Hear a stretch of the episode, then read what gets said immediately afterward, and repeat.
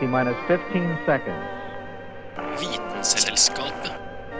T minus 10, 9, 8, 7, 6. We have main engine start.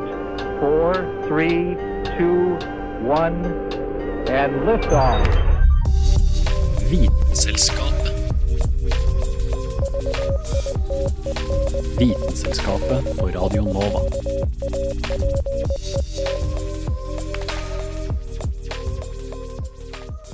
I løpet av tenårene har du sikkert opplevd både kviser og uvelkommen hårvekst. Det virker kanskje plagsomt og rart at det plutselig skulle gro slike ting fra kroppen din, men det er ikke bare på kroppen vi finner rare vekster. I naturen gror det nemlig en rekke underlige planter som vi her i Vitenselskapet skal berike deg om i løpet av de neste 30 minuttene. Hold på hattene deres, for vi er på vei innom den tørre, ville Vesten, underjordiske maurbondegårder og noen litt spesielle soppsamboerskap. Mitt navn er Julianne Li Fjell, og dette er Vitenselskapets episode om rare vekster.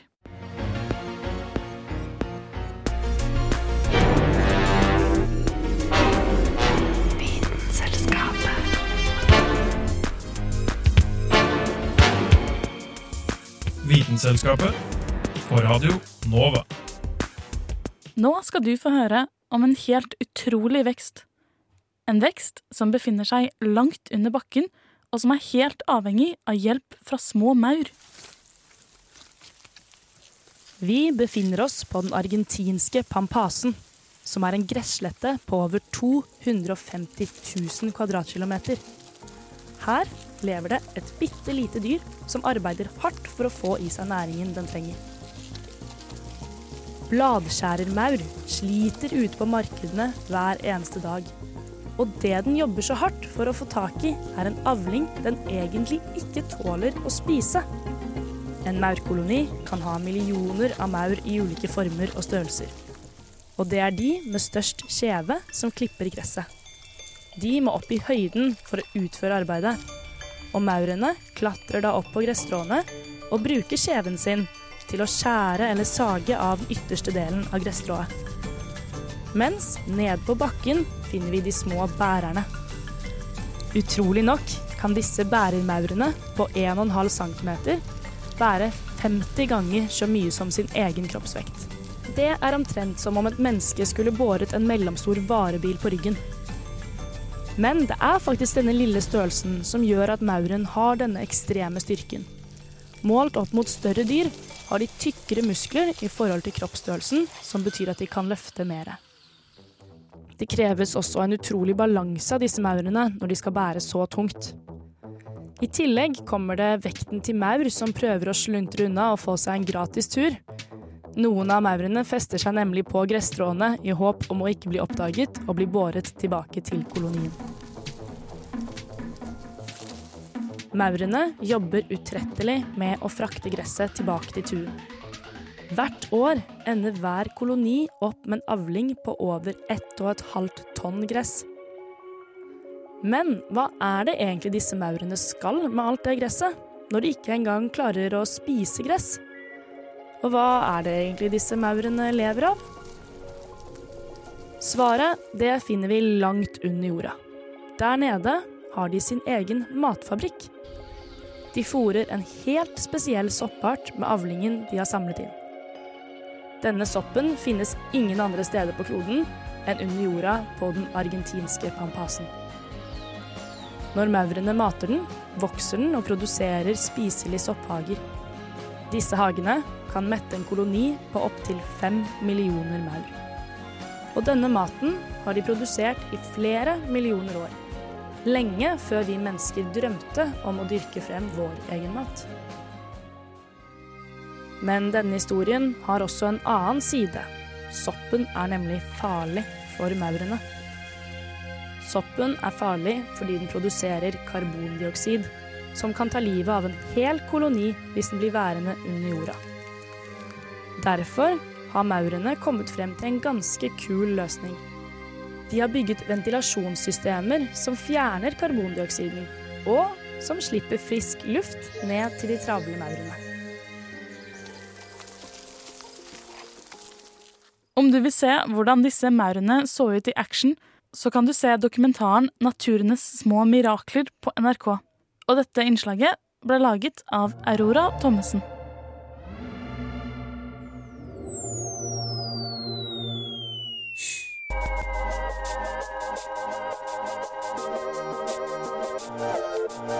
Visste du at mange pattedyr har et penisbein? Man vet ikke helt hvorfor, men forskere tror at penisbeinet gjør det lettere for hannen å manøvrere inne i hunden. Og også at det kan bidra til å holde på ereksjonen, slik at samleiet kan vare lengre. Hvis du har sett en westernfilm, har du helt sikkert sett dem. Såkalte tumbleweeds som ruller gjennom en øde by. Men disse tørre buskene er mer enn bare en kul filmeffekt. De er nemlig en helt spesiell type vekst, som er både død og levende på én gang. Klokka slår tolv, og sola er på sitt høyeste. To cowboyer står midt imot hverandre i den plutselig forlatte hovedgata. Hendene er klare til å gripe revolverne, blikket smalt under hattene. En rund, tørr busk triller over scenen. Det er den som er hovedpersonen, og det er den vi skal følge etter nå. Det er såkalt tumbleweeds, eller markløper på norsk. Og den er tørr og død, men snart skal den bli levende. Hvis den finner noe vann i dette varme slettelandskapet, da. Tumbleweeds er egentlig en samlebetegnelse på en type plante som sprer seg ved å løsne fra røttene og rulle rundt som en ball gjennom landskapet. Som regel trives de best på steder som er store, åpne og flate, hvor de kan bevege seg lange avstander med vinden.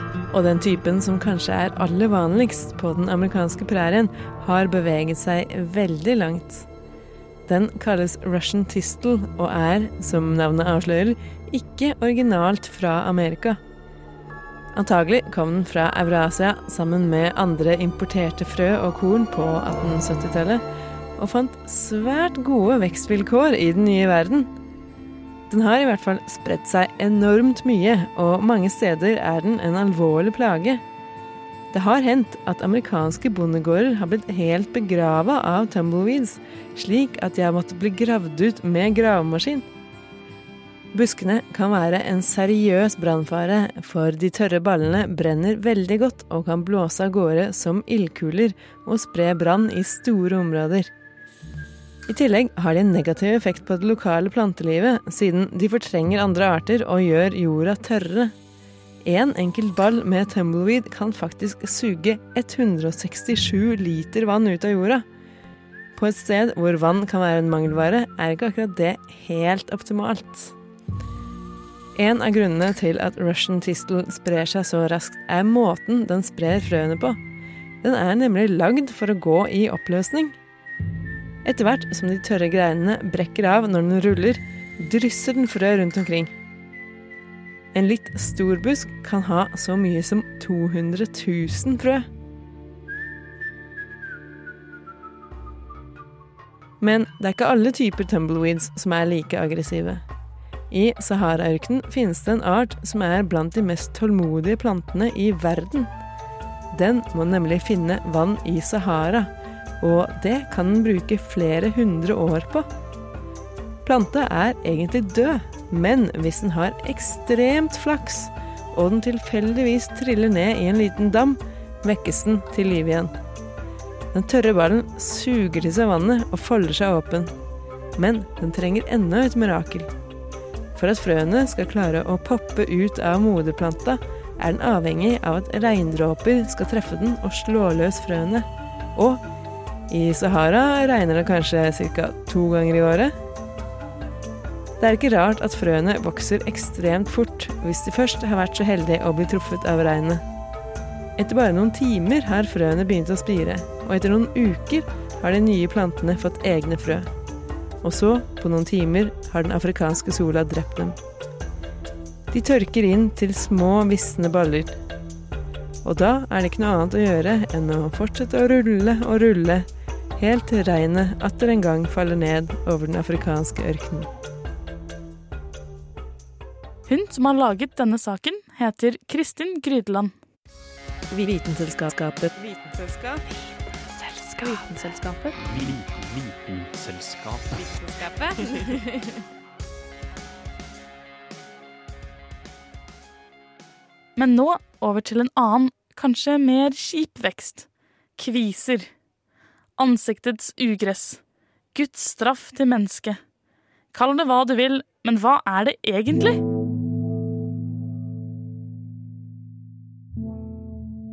Kviser, akne eller akne vulgaris, om du er litt ekstra fancy eller klinisk, oppstår om en talgkjertel, som rett og slett er en kjertel i huden som produserer talg, tetter seg, hvilket kan føre til at man får en betennelsesreaksjon. Det er jo som oftest i tenårene, da man kanskje er mest opptatt og mest bekymra for utseendet, at kvisene selvfølgelig først begynner å komme.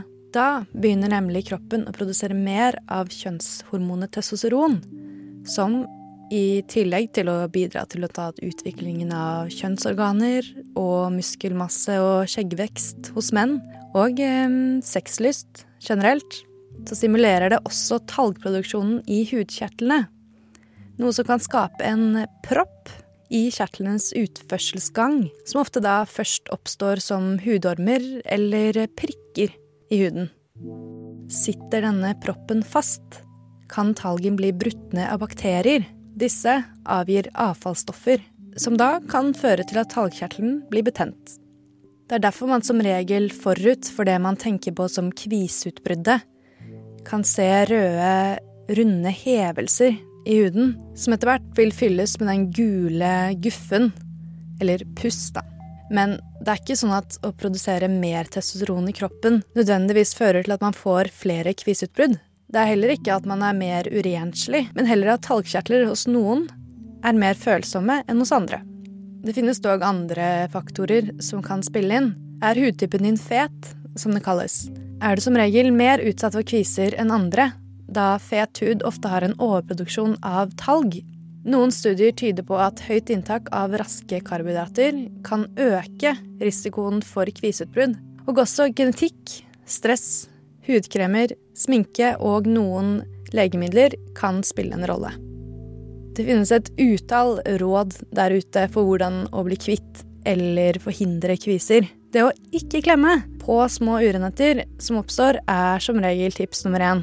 Noe ganske mange av oss sannsynligvis ikke følger. Potetmel, mos banan eller tomat, tannkrem, ja, jeg kan nevne i fleng, er i hvert fall kjerringråd jeg anbefaler deg å ikke prøve. Ifølge de fleste hudeksperter går det dessverre heller mot sin hensikt, og kan bare irritere huden mer. Det finnes jo også flere typer akne, ofte inndelt etter alvorlighetsgrad, der noen utvikler flere og større aknekuler som kan etterlate arr, der det kanskje bare er medikamenter som da reduserer tallproduksjon, som kan være den eneste fungerende behandlingsmetoden. Men å rense huden godt med milde renseprodukter er som regel en god start. Bruker du sminke, bør du da holde deg til vannbaserte produkter. Og å passe på å få tilstrekkelig med da helst naturlig sol, men også ta noe solarium kan hjelpe. No shoe fits all, dessverre. Men til slutt vil jeg bare gjenta ikke klem! Er du litt om noe morbid av deg, så anbefaler jeg heller at du får utløp gjennom Dr. Pimple Popper eller en av de andre tusen kviseklemmerne der ute, og la huden din være i fred, og heller ta tiden til hjelp. Og denne saken ble laget av vår selvutnevnte hudekspert Sunniva Sol Blix.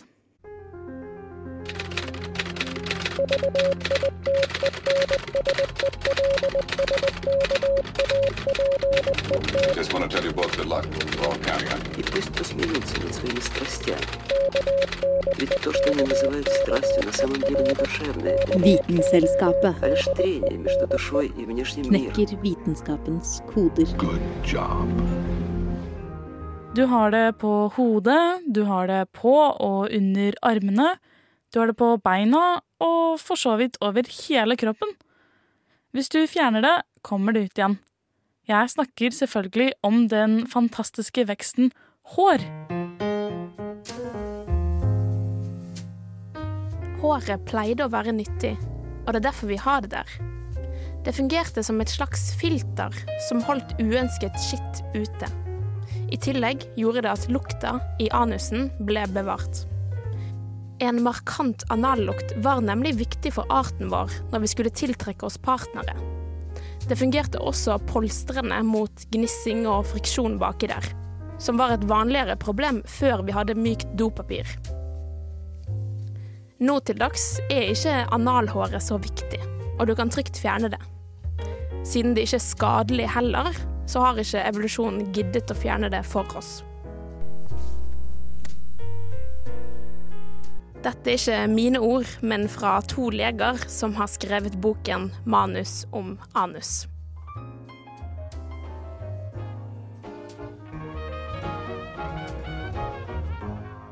Men sånn egentlig virker jo det ikke så veldig logisk at man har hår. Verken i anus eller andre steder på kroppen.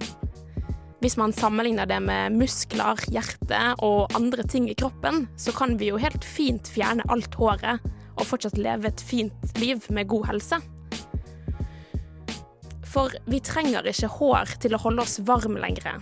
Heller ikke for å beskytte oss mot solen, noe som var nytten til kroppshår for lenge siden. Håret har rett og slett mistet mye av funksjonen sin. Eller noen plasser er det faktisk ganske praktisk, som f.eks. i nesen. Her har vi hår for å forhindre at støv, bakterier og andre ting skal komme seg inn i luftveiene, sånn at vi ikke blir syke. Som du sikkert har hørt før, så er hår dødt materiale. Det er festet til hårsekker som ligger rett under huden.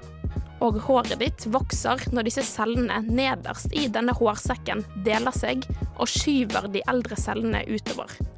Samtidig så blir disse cellene fylt med proteinet keratin og gjennomgår programmert celledød.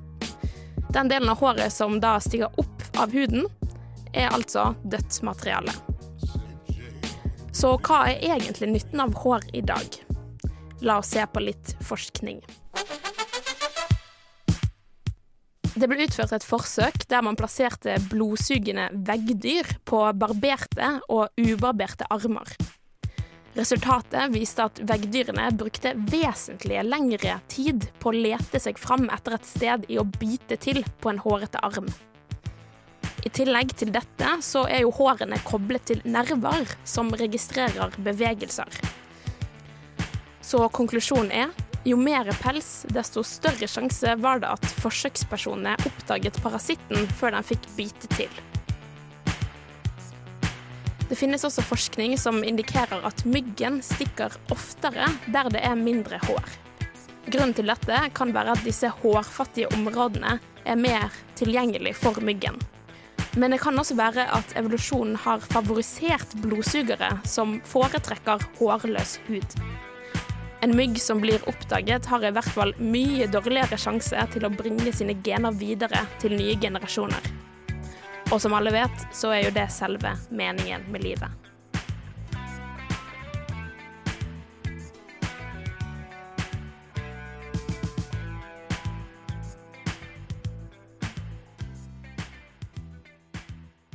Så til neste sommer. Hvis du ikke vil ha like mange myggstikk som i år, ikke barber deg. Denne saken ble laget av Anna Vik Rødseth. Ti år, ti år uten blir jeg avslørt. Og jeg hadde kommet unna med det også. Jeg hadde kommet unna med alt. Om det ikke var for disse brysomme snusene. Kristian, du kan ikke tro på dette. Din farte masse Hvordan våger du? Vitenselskapet hever forskningen, senker svindlerne.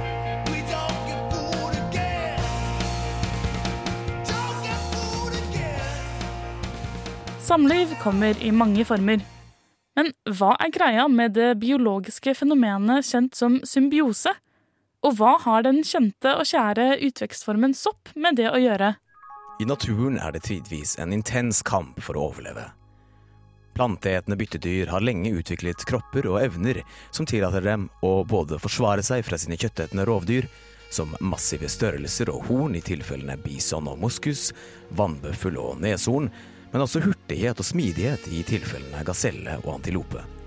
En kombinasjon av hurtighet og intrikate mønster på pelsen tillater sebraer å forvirre og utmanøvrere sitt hovedrovdyr, løven. Men det er ikke bare en kamp for å overleve, nature red in tooth and claw, som er regelen i naturen, men å overleve sammen, som tidvis er det viktigste. Faktisk har noen organismer lenge utviklet et så tett samspill at vi kan snakke om et helt eget unikt fenomen, symbiose, som beskrives i biologien. Symbiose, som kommer fra gammelgreske sym, sammen, og bios, liv, betyr da bokstavelig talt samliv. Og vi snakker ikke da bare om to individuelle organismer som av leilighet kommer sammen og finner ut at det hadde vært fordelaktig for begge parter å leve sammen en stund. Nei, med symbiose snakker biologien ofte om samspill så intrikate at vi neppe kan snakke om opprinnelige uavhengige organismer i det hele tatt, men om vesener som har utviklet seg sammen, og dermed blitt avhengige av hverandre for sine gjensidige, pågående biologiske aktiviteter og prosesser. Sopp, disse nærmest mystiske utvekstene som verken er planter eller dyr, men som hører til sitt helt eget domene i naturen, og som dermed har et helt eget naturfag dedikert til seg, mykologien, er kjente symbiotikere. Før vi går videre, må det sies at symbiose, samliv, strengt tatt også innehar den negative siden, parasittisme, som betegner den prosessen der den ene parten i det symbiotiske forholdet markant utnytter og lever på og av den andre parts kropp. Sånn som når en soppart infiserer en maurhjerne, for dermed å endre maurens atferd, slik at sporen kan vokse seg ut av hodet på den døde mauren og spre atter nye sporer. Siden soppen er avhengig av mauren, men ender opp med å drepe og konsumere dens kropp, er den symbiotisk opp til et visst punkt, før dens parasittiske natur viser seg. Andre igjen lever i et så tett samspill at de kan sies å sammen utgjøre en ny art, sånn som lav, som finnes overalt på trær, på steiner og bark i den norske natur. Lav ser ut som en form for grågrønn, korallaktig utvekst, men er i realiteten en kombinasjon av minst to komponenter.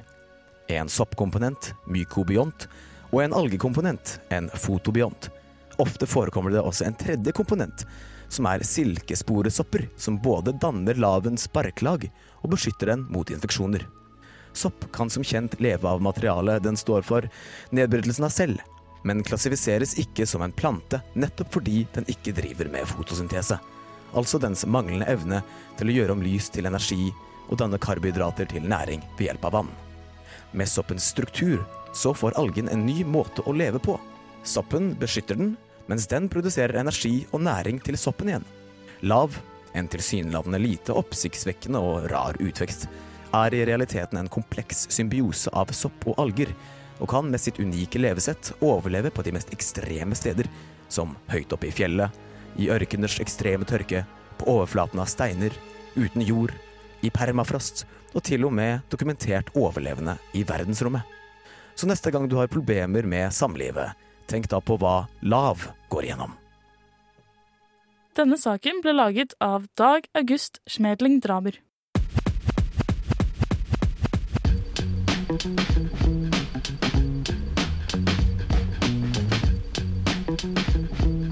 Vite nytt. Det du trenger å vite. Da har vi kommet til en eh, ganske interessant del av sendingen, nemlig Vitenytt. Og jeg har vært så heldig at jeg har fått med meg en eh, hedersgjest i dag. Nemlig Carl Adams Kvam. Velkommen. Ja, takk. Jeg føler meg beæra, og så føler jeg at det er virkelig prestasjonspress her. Jeg må eh, tydeligvis være interessant. Men eh, det klarer jeg jo. Ja, hva har du eh, å komme med i dag? Nei, eh, jeg bor jo i 2019, så det er mye teknologiske framsteg eh, hver dag, mest da. Eh, Og så er det jo sånn at eh, sjølkjørende biler er vi veldig interessert i, alle sammen. Det er vi. Det er i media hele tida. Men det er ikke bare biler som eh, driver og turer rundt her på jorda. Sjølkjørende fly også er ikke der helt enda, for det høres veldig skummelt ut. Men eh, den siste transportformen, hva er det jeg sikter etter da, tror du? Er det selvkjørende elsparkesykler? Nei, det, det er nok ikke det. Det er båter det er snakk om. Fordi det er et selskap som heter for Seakit, som har bygd en eh, ny båt som snart er klar til å seile tvers over Atlanterhavet. Helt alene. Ikke et menneske om bord. Jeg syns det er ganske logisk at det er båttrafikken som eh, blir automatisert først. Fordi på havet så har det jo veldig store avstander. Og det skal være mulig å ha kontakt med alle båtene som er rundt, så du krasjer ikke så fort, da. Men er det ikke veldig mye sånn for eksempel hvis du skal over Atlanterhavet, da, så er det mye ting du ikke kan forutsi, kanskje? Sånn med bølger og vær og sånn? Det er sant, men uh, akkurat det tror jeg de har klart å programmere inn i den AI-en her, da. Uh, og så er det store fordeler med at den er sjølgående. For det første så får jeg jo plass til mer greier, når du ikke trenger å ha kabiner til mannskapet og alskens sånn menneskelig tull. Så eh, du kan få med mye mer per tur. Og så I tillegg så har de klart å bygge den her på en måte sånn at det bare er en brøkdel av CO2-utslippene som eh, kommer av den typen båt her, da. Den spesifikke båten heter Max Limer, eller Max Limer, jeg er ikke helt sikker. Eh, og det er da et engelsk selskap som har logga denne skuta her.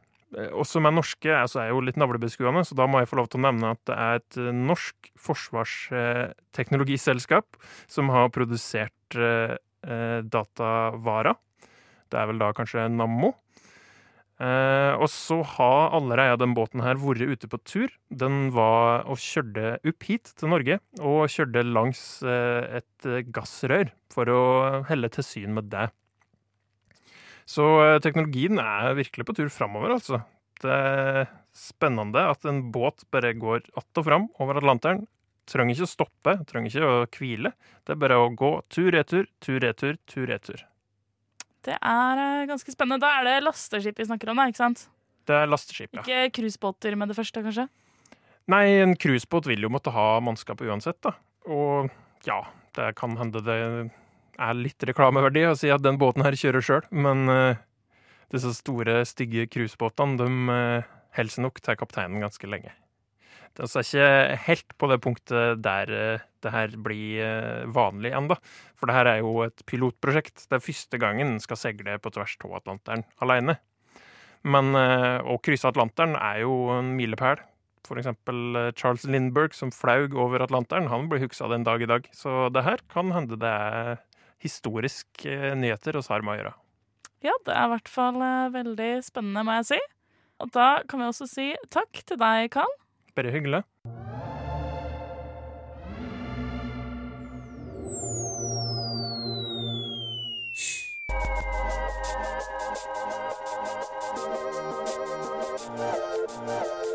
Visste du at kamskjell kan ha så mye som 100 stykk enkle øyne for å kunne se godt der nede på havbunnen? Den vanligste øyenfargen deres er blå, akkurat som havet selv.